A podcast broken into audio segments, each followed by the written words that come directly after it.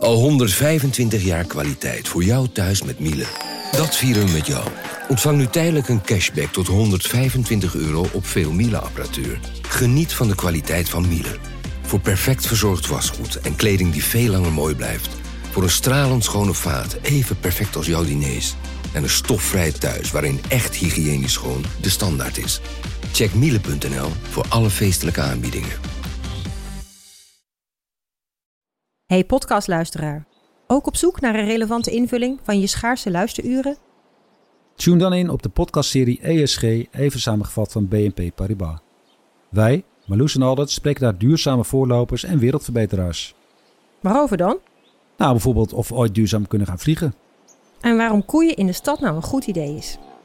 Dat en meer elke twee weken in een nieuwe aflevering. Dus abonneer je. ESG, even samengevat.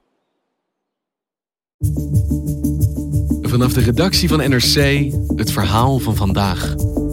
Mijn naam is Thomas Ruip.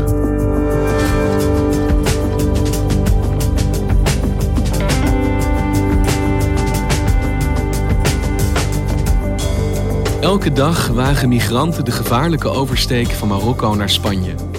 En elke dag komen mensen daarbij om het leven. Zij verdwijnen vaak anoniem in massagraven. Correspondent Koen Greven reisde mee met een Spaanse begrafenisondernemer die er alles aan doet om hun lichamen toch terug naar huis te krijgen.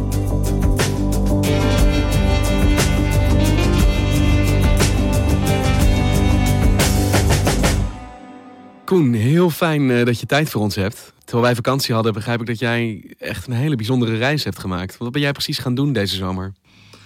Deze zomer ben ik met een Spanjaard van 58, Martin Zamora, ben ik meegeweest om twee ja, stoffelijke overschotten van Marokkanen die overleden zijn op weg naar Europa terug te brengen in de binnenlanden van Marokko. En ze daar te begraven en hun uh, rust te geven.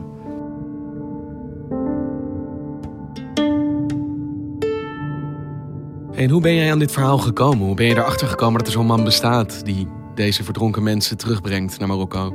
Ja, migratie is natuurlijk een groot uh, onderwerp in Europa nu. En ook speelt heel erg in Spanje en Marokko. These are images of migrants desperately trying to leave Morocco to arrive in Spain. Let's just show you why Morocco is playing an even more uh, central role. Now, Spain is becoming the go to destination uh, for migrants trying to reach Europe. Let's just show you Ik vroeg me wel eens af, wat gebeurt er eigenlijk met de doden? Uh, over de levenden is meer bekend. Maar over de doden hoor je eigenlijk nooit uh, veel. Terwijl het gaat om de afgelopen 40 jaar om ja, duizenden doden die in de Middellandse Zee zijn gestorven. Uh, to deal with these problems, you can imagine, are very difficult. So it's not just within Europe this is a problem, it's also within the Maghreb. Uiteindelijk kwam ik via via bij deze man terecht. Die zichzelf eigenlijk ja, als uitvaartondernemer op die markt gestort heeft 30 jaar geleden. En uh, ja, eigenhandig eigenlijk een soort uh, bedrijf heeft opgezet om dode migranten terug te brengen naar de plaats van herkomst. Door heel Afrika, van Mali, Senegal uh, tot Marokko zelf. En met hem afgesproken, als hij een reis zou maken, dat ik met, met hem mee mocht. En daar ging twee maanden overheen en toen belde hij, nou ja, we gaan deze week op reis. Uh, kom maar.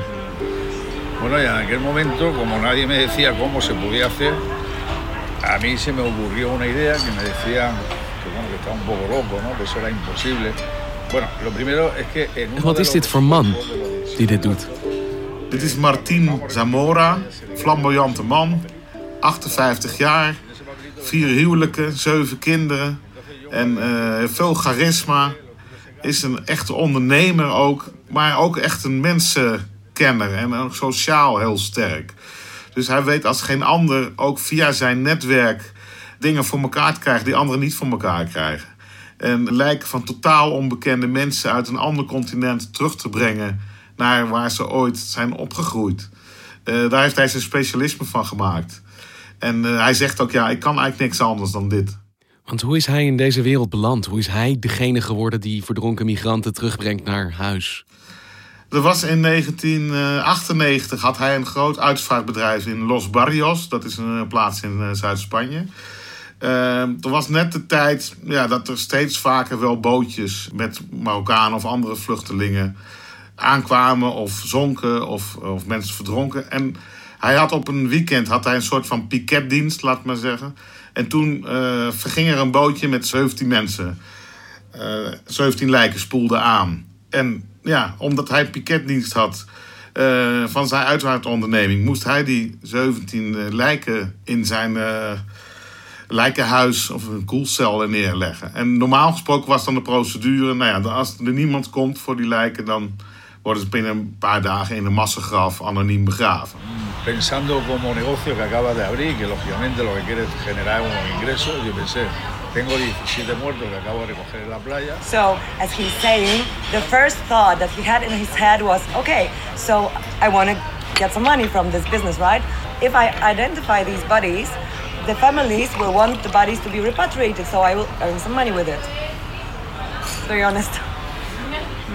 Maar hij ging juist wel uh, zoeken naar waar die mensen vandaan kwamen. Dus hij stuitte bijvoorbeeld op een telefoonnummer in een, uh, in een spijkerbroek van een van die uh, overledenen. Dat belde die. Eerst zeiden ze dat ze er niks van wisten. Een paar dagen later werd hij teruggebeld. En ja, ze toch gezegd van ja, het is een neefje van ons en we willen heel graag dat je die terugbrengt naar onze woonplaats. Toen, maar goed, daarnaast lagen nog 16 lijken. Hij is toen met dit ene overschot teruggegaan naar Marokko. En heeft allerlei kleren en persoonlijke eh, bezittingen van die andere lijken meegenomen. En is daar de dorpjes langs gegaan. Hing dat op rekken in de dorpjes. En uiteindelijk kwamen ze in het plaatsje Hansala aan. En ze bleken alle 17 uit die plaats te komen. En ja, alle 17 hebben ze toen aan de hand van die kleren en persoonlijke bezittingen eigenlijk uh, weten te identificeren. En later is hij dus met die 16 andere lijken naar dat plaatsje uh, teruggegaan. En ja, dan kom je ook in een achtbaan van emoties terecht. Die mensen zijn heel dankbaar dat die lichamen terug zijn. Maar ja, 17 doden in een dorpje is natuurlijk ook een gigantische ramp.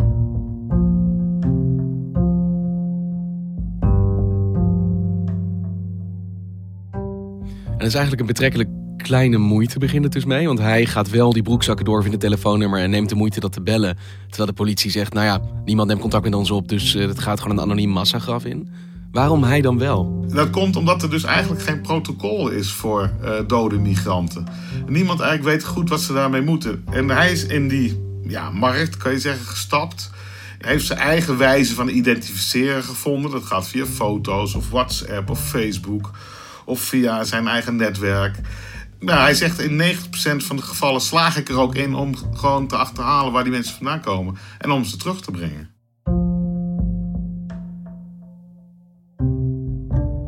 En wie waren de overleden migranten die hij ging terugbrengen toen hij jou belde of je met hem mee kon?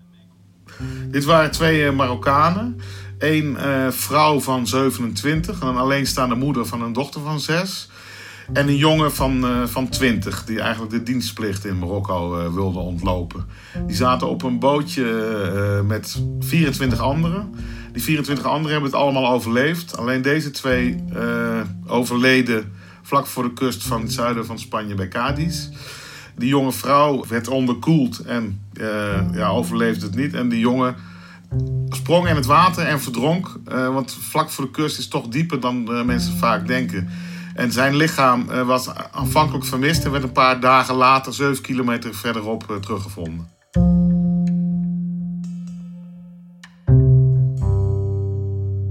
En heeft hij ze weten te identificeren, wie deze mensen waren? Ja, de politie heeft een uh, paar mensenhandelaars gearresteerd die achter dit uh, bootje zaten. En stuitte daarbij ook op een nummer van de neef van deze jonge vrouw die overleden is.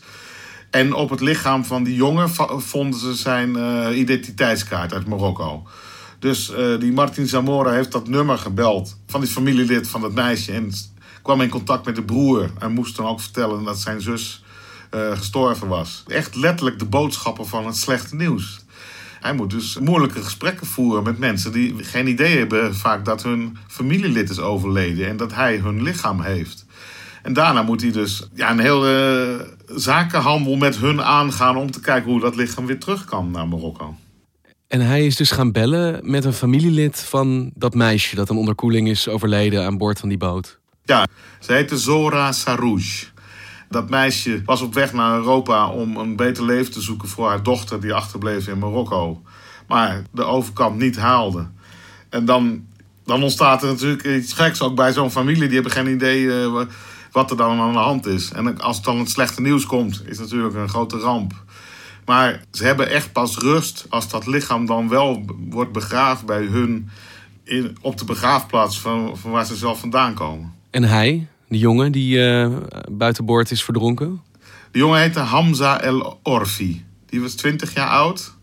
Eh, ook een jongen uit het zuiden van Marokko. En deze jongen ging eigenlijk zijn zwager achterna. Die 30 jaar geleden ook dezelfde overtocht maakte. En nu fruitplukker is al, de, eh, al jaren. En ja, ze weten dan eigenlijk niet goed waar ze aan beginnen. Ze, ze, ze stappen op een bootje en gaan naar Europa. En een echt een groot plan is er verder rest niet. En het eerste deel van zijn werk is dan gedaan. Het is hem gelukt dus deze mensen te identificeren. En hij heeft contact met de familie weten te leggen. En vervolgens eh, komt dus die tocht naar Marokko om deze lichamen weer terug naar huis te brengen. Hoe gaat dat in zijn werk? Ja, uiteindelijk heb ik ochtends eh, vroeg afgesproken bij hem, bij zijn bedrijf. En daar kwam ook de zwager van die eh, Hamza El Orfi. En ja, werden die kisten in de auto geladen. De klep ging dicht en we reden eh, naar de haven waar de boot klaar stond om naar Afrika te varen.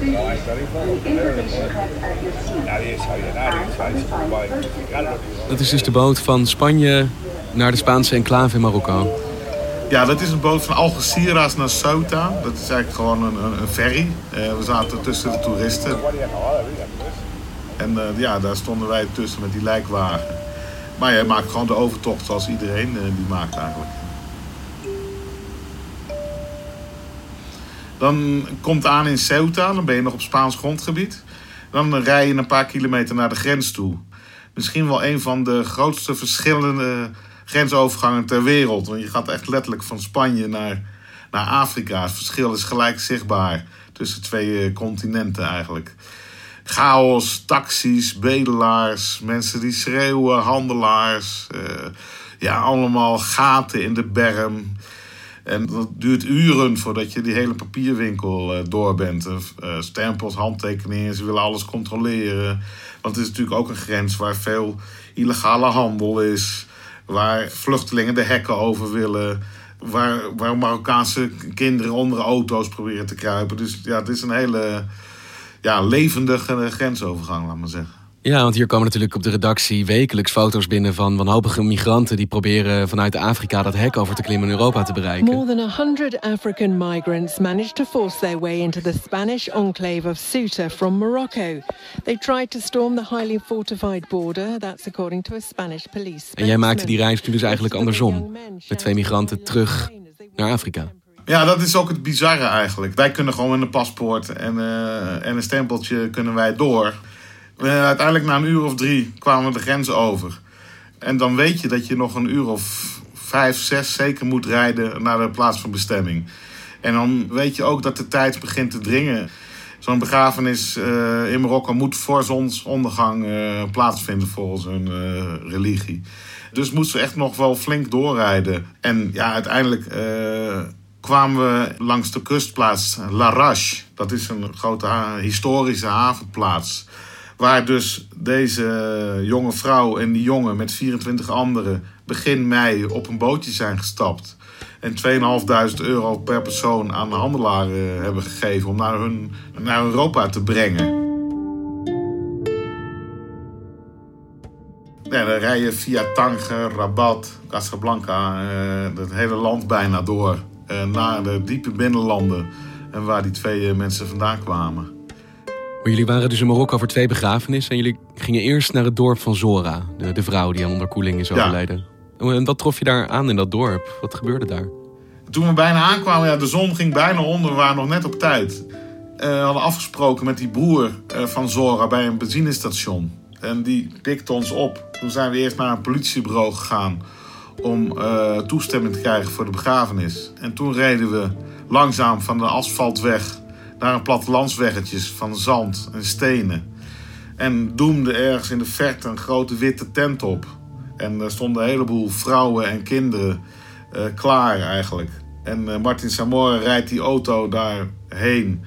Ja, en doet die klep open. En ja, en dan zien die mensen de kist van Zora, van die jonge vrouw die uit dat dorpje komt. En dan, ja, dan gaan er allerlei emoties los. Sommigen beginnen te schreeuwen, te huilen. Anderen slaan hun handen voor het gezicht. De moeder van Zora die, die viel zelfs flauw. Het was echt heel indrukwekkend om, om mee te maken.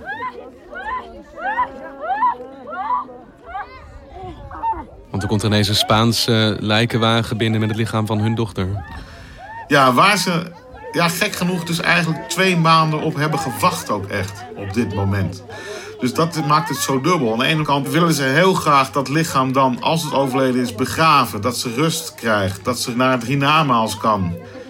Maar aan de andere kant, als dat moment dan ook echt zo ver is, beseft ze zich echt dat ze ook echt dood is en ook echt nooit meer terug zou komen. Dus dan zie je die, on, ja, die ongelooflijke mix van emoties. En zo'n Martin Zamora heeft ook zijn eigen emoties. Want hij heeft ook uh, een paar maanden met deze jonge vrouw uh, ja, toch geleefd. Ook al is zij dood. Maar kent ook de hele levensverhaal. Heeft ook contact gelegd met die broer. Uh, weet inmiddels ook waar ze vandaan komt. Heeft hij in de kist gelegd, mooi gemaakt, teruggebracht. Dus hij heeft ook zijn eigen emoties daarbij.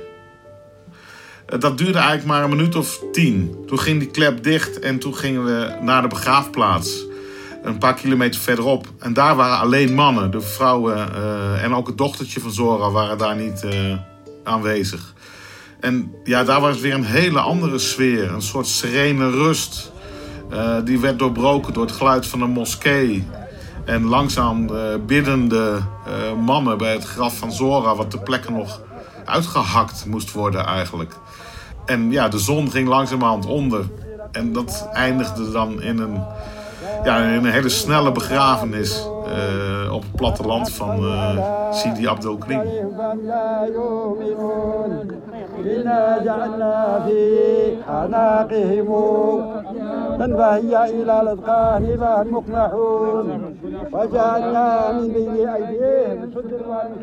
En jullie hadden ook nog een tweede begrafenis omheen te gaan dus. Die van Hamza, de jongen die verdronken is.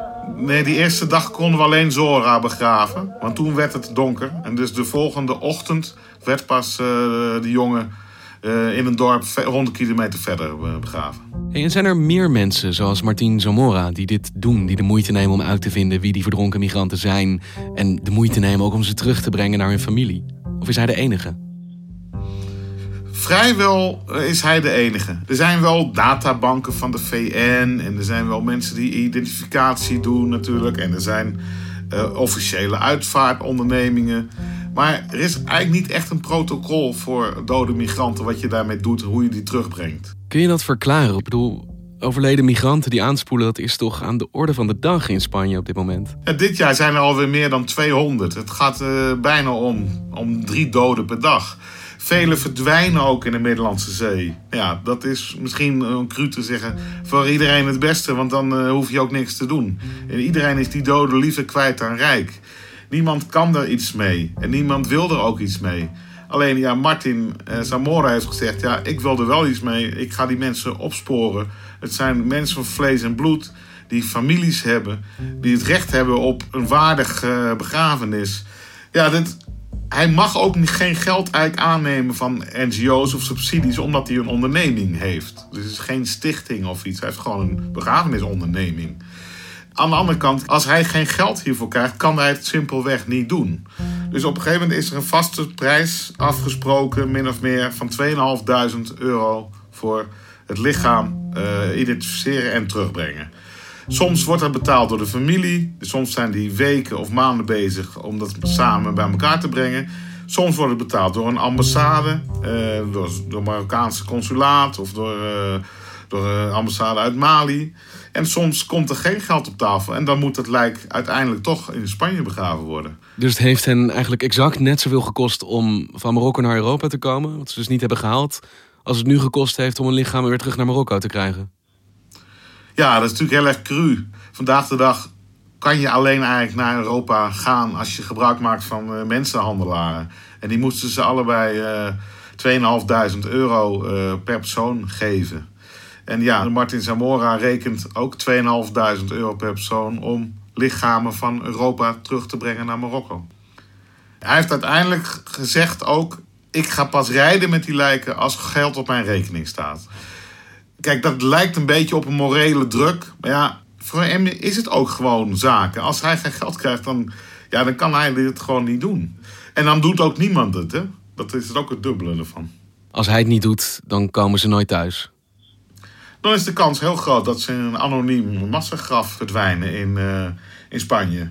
Of uh, ja, dat mensen helemaal nooit meer er iets van horen. Dankjewel, Koen. Graag gedaan. Je luisterde naar vandaag, een podcast van NRC. Eén verhaal, elke dag. Dit was vandaag, morgen weer.